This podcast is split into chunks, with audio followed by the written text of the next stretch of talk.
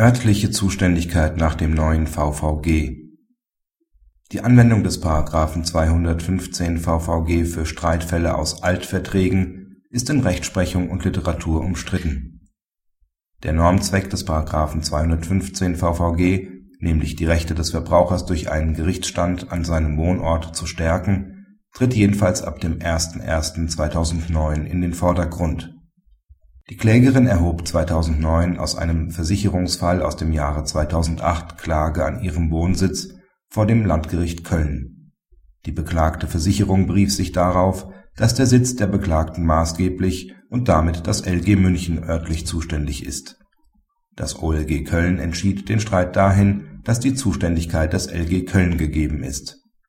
die Rechtsfrage nach dem Anwendungsbereich der Gerichtsstandsregelung des § 215 VVG (neue Fassung) mit dem Wohnsitzgericht des Versicherungsnehmers ist umstritten. Nach einer Auffassung ist die Neuregelung des § 215 VVG ab dem 01.01.2008 auch für Altfälle anwendbar nach der anderen Auffassung findet § 215 VVG (neue Fassung) bei Altverträgen bis zum 31.12.2008 keine Anwendung. Demgegenüber differenziert das OLG Hamburg danach, wann die Klage erhoben wurde.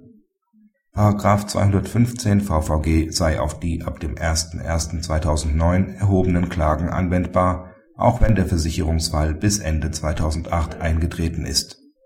dem schließt sich das OLG Köln im Ergebnis an, wobei es in Abweichung zum OLG Hamburg offen lässt, ob für im Jahr 2008 erhobene Klagen etwas anderes gilt. Kritik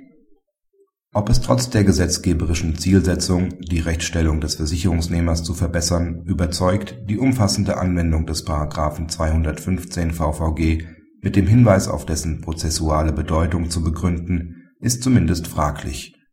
so vertritt auch das OLG Hamm in einem Urteil vom 20.05.2009 die Auffassung, dass § 215 VVG (neue Fassung) gerade nicht auf Altfälle anwendbar ist.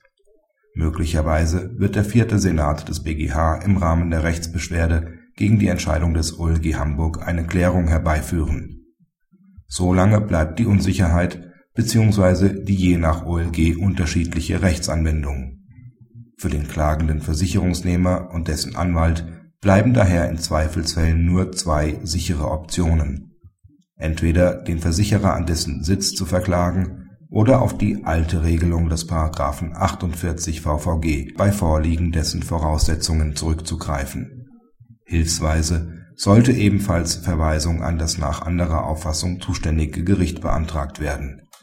für das Verkehrsrecht wirkt sich der Streit bei einer Klage gegen die Kaskoversicherung aus